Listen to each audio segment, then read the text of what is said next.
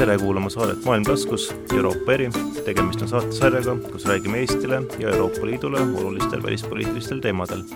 sel korral on arutluse all Euroopa Liidu küberturvalisus. teema lahkamiseks on palunud stuudiosse Euroopa Parlamendi saadiku Urmas Paeti, tervist! tere päevast! mina olen saatejuht Margus Parts.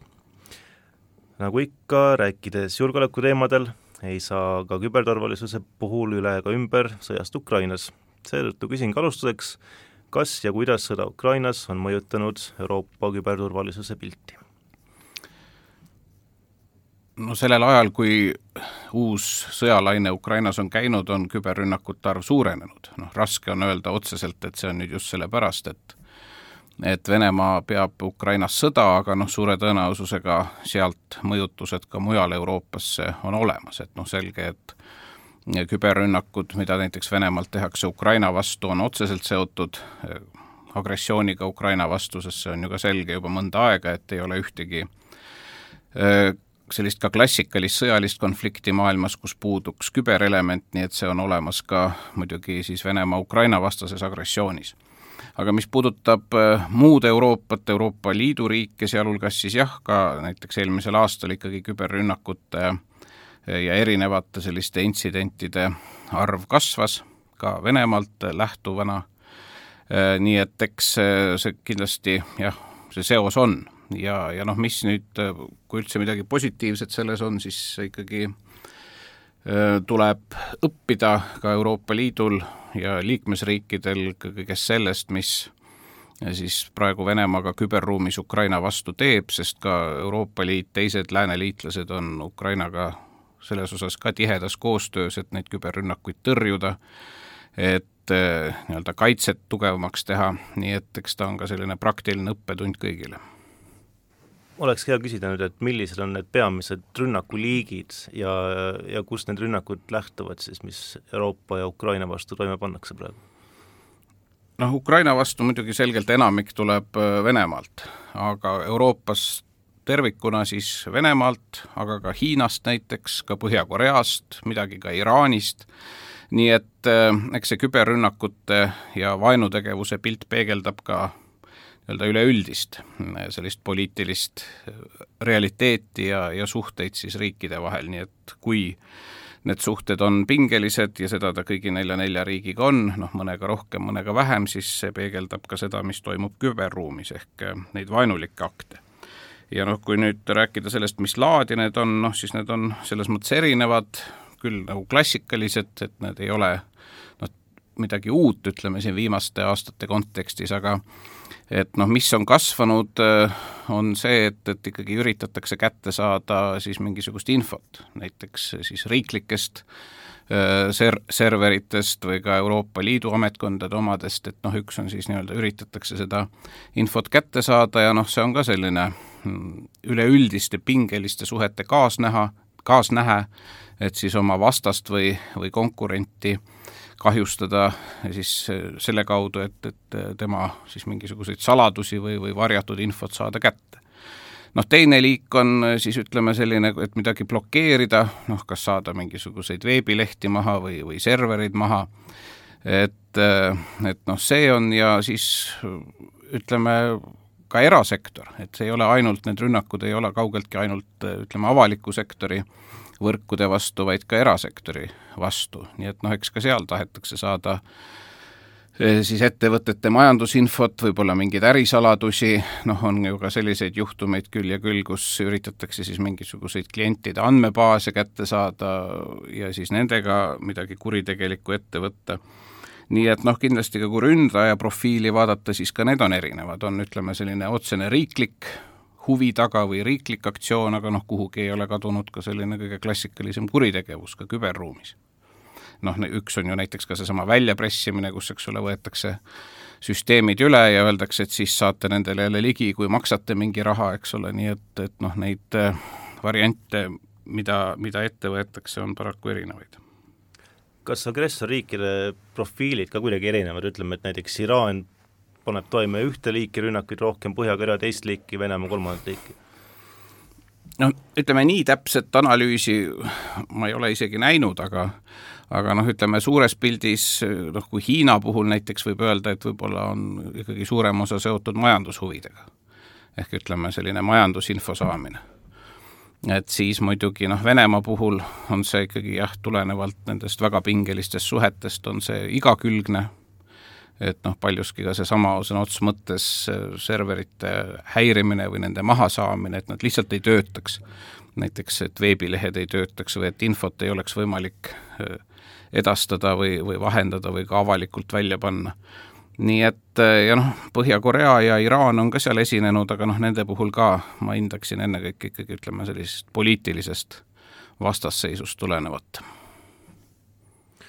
me ei ole veel puudutanud äh, tegelikult libauudiste, igasuguste propagandakampaaniate teemat, et kas äh, ilmselt on ka näha selle sagenemist praegu nüüd viimastel aastatel? Noh, seda kindlasti jah, et äh, seesama, kui eks ole, Ukrainas agressioon ja, ja sõda käib, siis paratamatult selliste asjadega kaasnevad ka äh, siis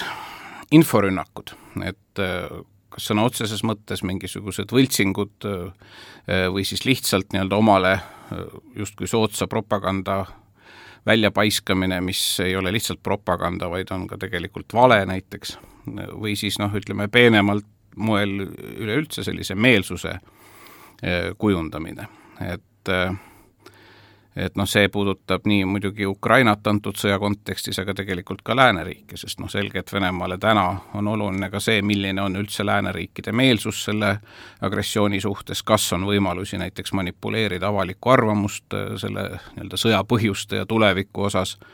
lääneriikides, nii et jah, seda, seda kõike on.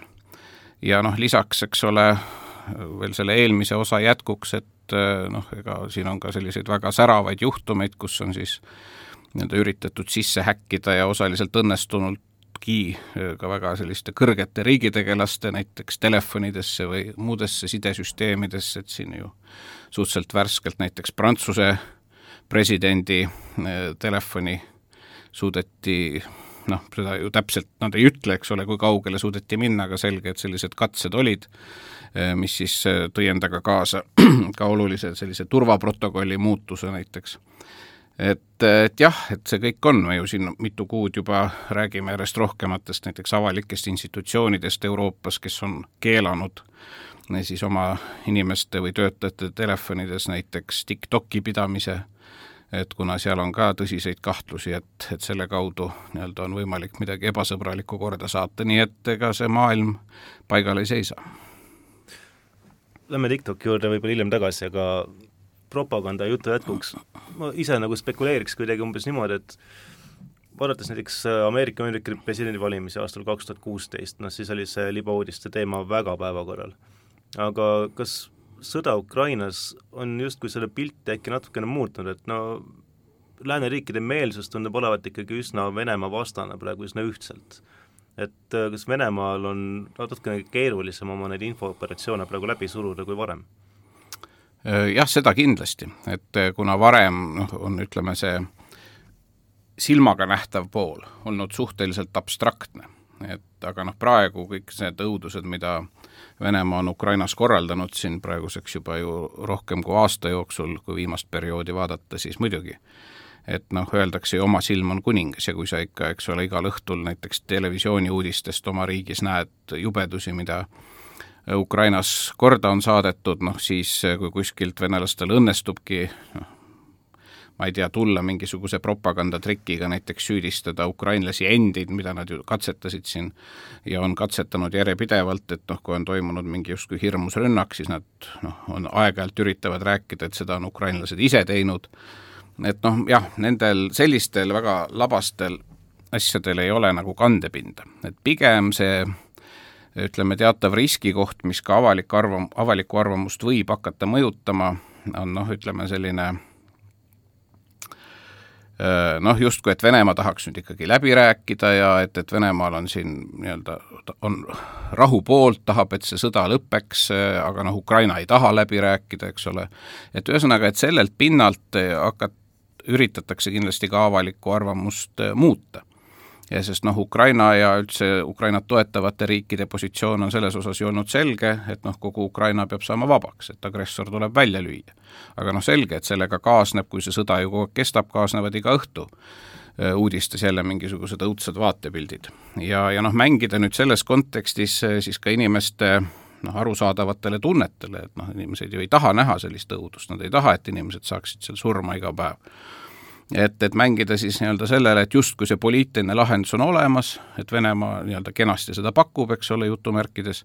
aga Ukraina juhid ei taha seda vastu võtta, et pigem nad lasevad nendel inimestel edasi seal surma saada. ja noh, sellest siis osavalt jäetakse noh, see teine pool rääkimata, mida see siis tegelikult tähendab, et see ju ei ole see, et Venemaa lihtsalt ütleb, et nüüd aitab, lepime kokku, me lähme minema. No seda äraminemise juttu ju ei ole ehk jutt on sel juhul ikkagi sellest, et kindlasti Ukraina kaotab olulise osa oma territooriumist, kui ta peaks äh, sellistele kõnelustele minema äh, ja kokkulepetele, nii et, et seda poolt keegi ei räägi. jutt on lihtsalt nendel esmastel pealmistel emotsioonidel, et vot näed, me tahame, eks ole, siin sõda lõpetada, aga Ukraina ei taha. nii et, et ütleme, sellelaadset võib-olla siis pisut äh,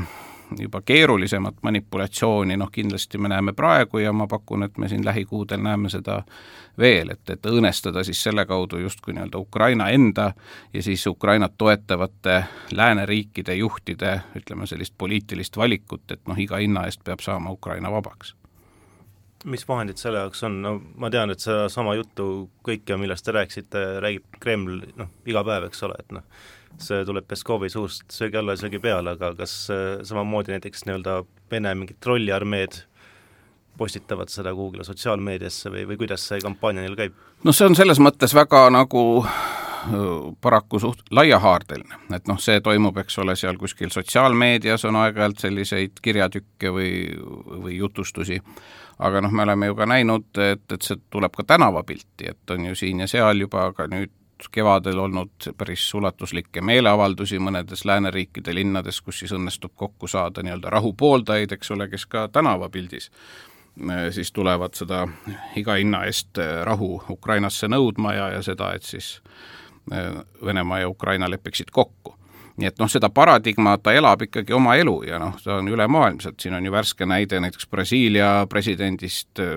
Luulast, noh, kes ikkagi ühe maailma suurema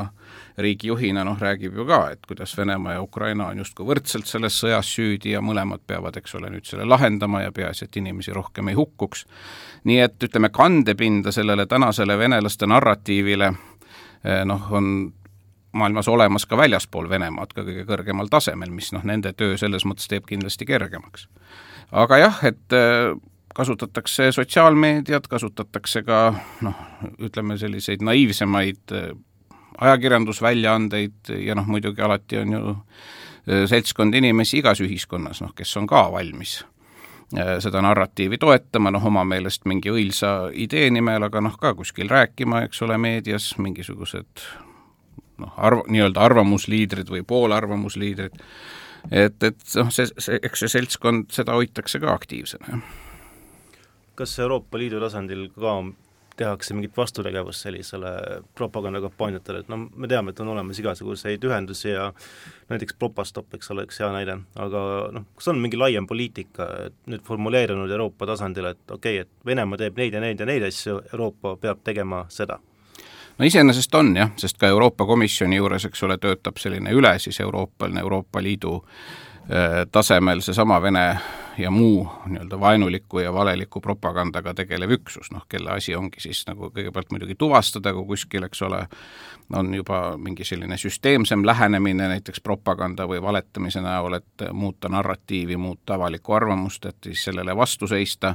sest noh, kõik algabki sellest peale, et sa pead kõigepealt selle tuvastama, et noh, et see ei ole kuskil mingisugune üksik hüüatus või juhtum, vaid noh, selle taga on, eks ole, laiem süsteem. et siis vastavalt sellele ka reageerima nii et, äh, et jah, et see on ka Euroopa Liidu juures olemas ja noh, ka mitte kõigis, aga enamikes liikmesriikides, ma usun, tänaseks juba on, nagu meil on see, eks ole, Propastop Eestis, et, et on ka teistes selliseid üksusi, kelle esimene asi on noh, neid tuvastada, pöörata sellele tähelepanu, noh ja siis muidugi ka, eks ole, teha vastukäigud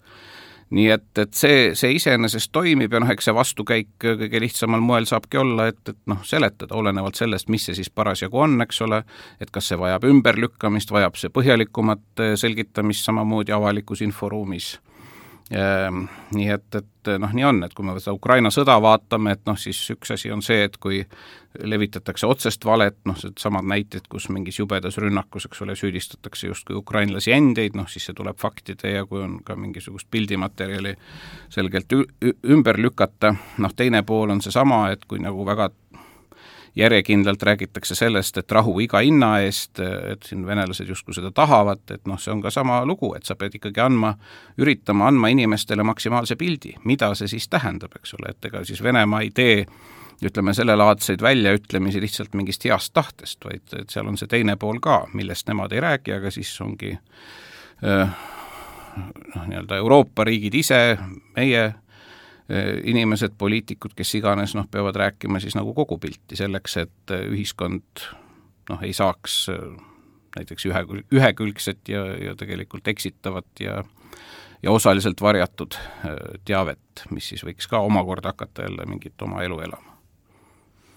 Euroopa Liidul on ka olemas selline asi nagu küberturvalisuse strateegia, et millised selle komponendid on, mida sellega üritatakse rõhutada, milliseid võimekusi kasvatada? No eks see strateegia iseenesest äh, kõigepealt, et mis tema eesmärk on, noh eesmärk ongi see, et, et muidugi need, kes otseselt Euroopa äh, komisjoni tasandil ehk Euroopa institutsioonide tasandil, aga ka liikmesriikides selle valdkonnaga äh, tegelevad, et noh, neil oleks nii-öelda need põhipostulaadid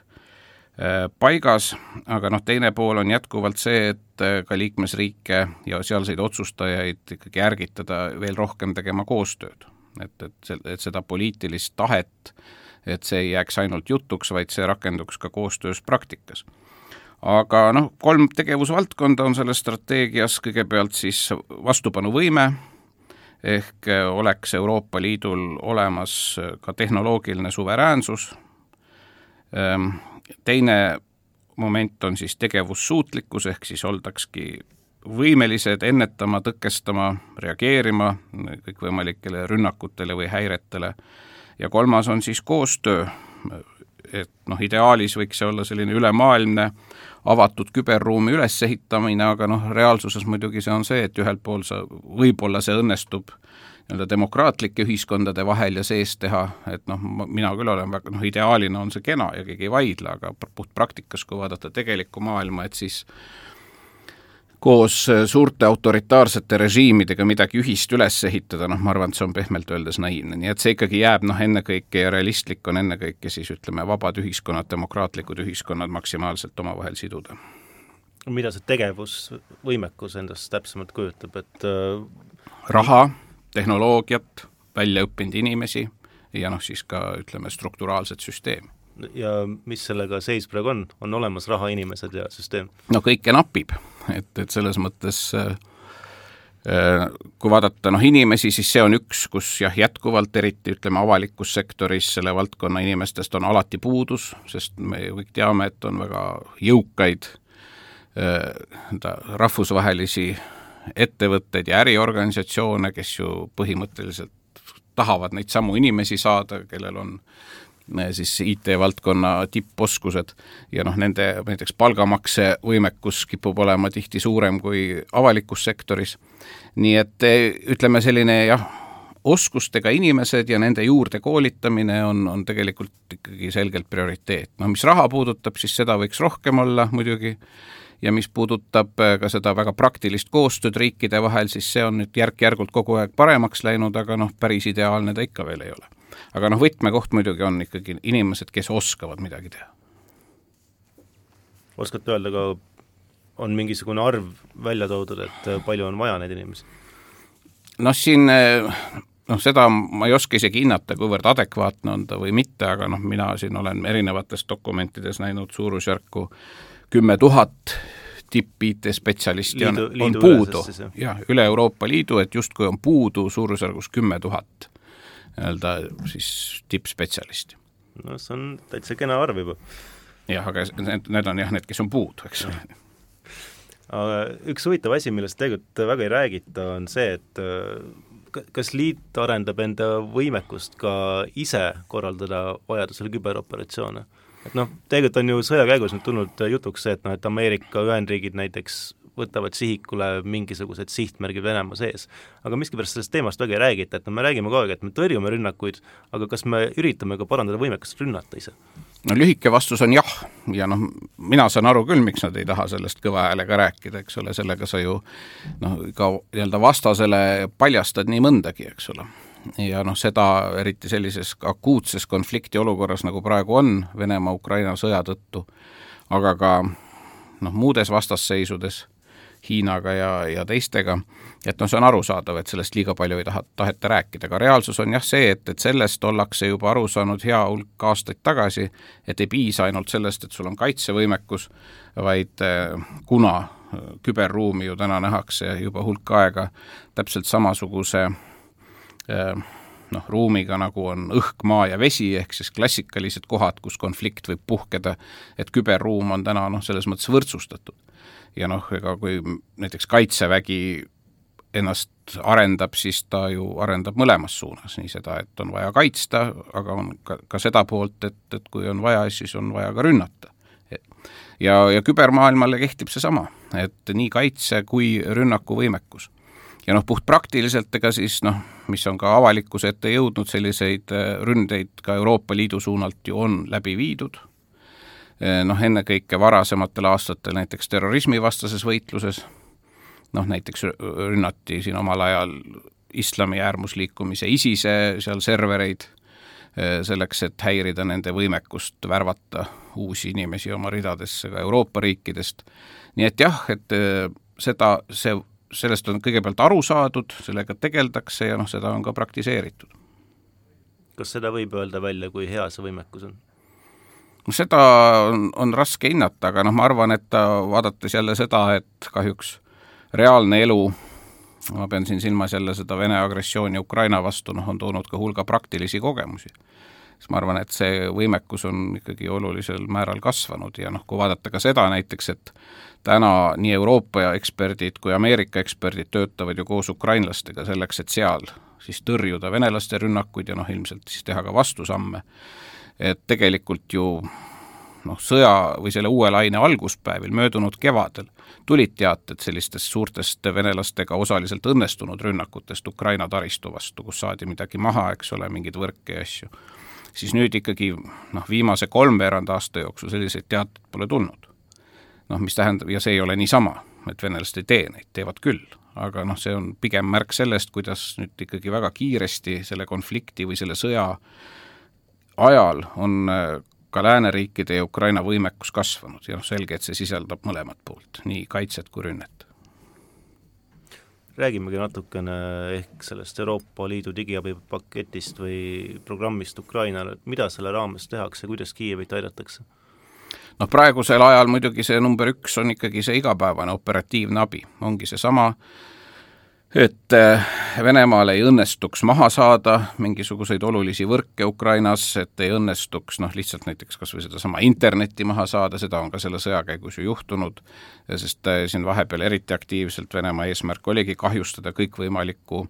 Ukraina infrastruktuuri, äh, sealhulgas, eks ole, sidet, sealhulgas interneti kättesaadavust, kõike seda,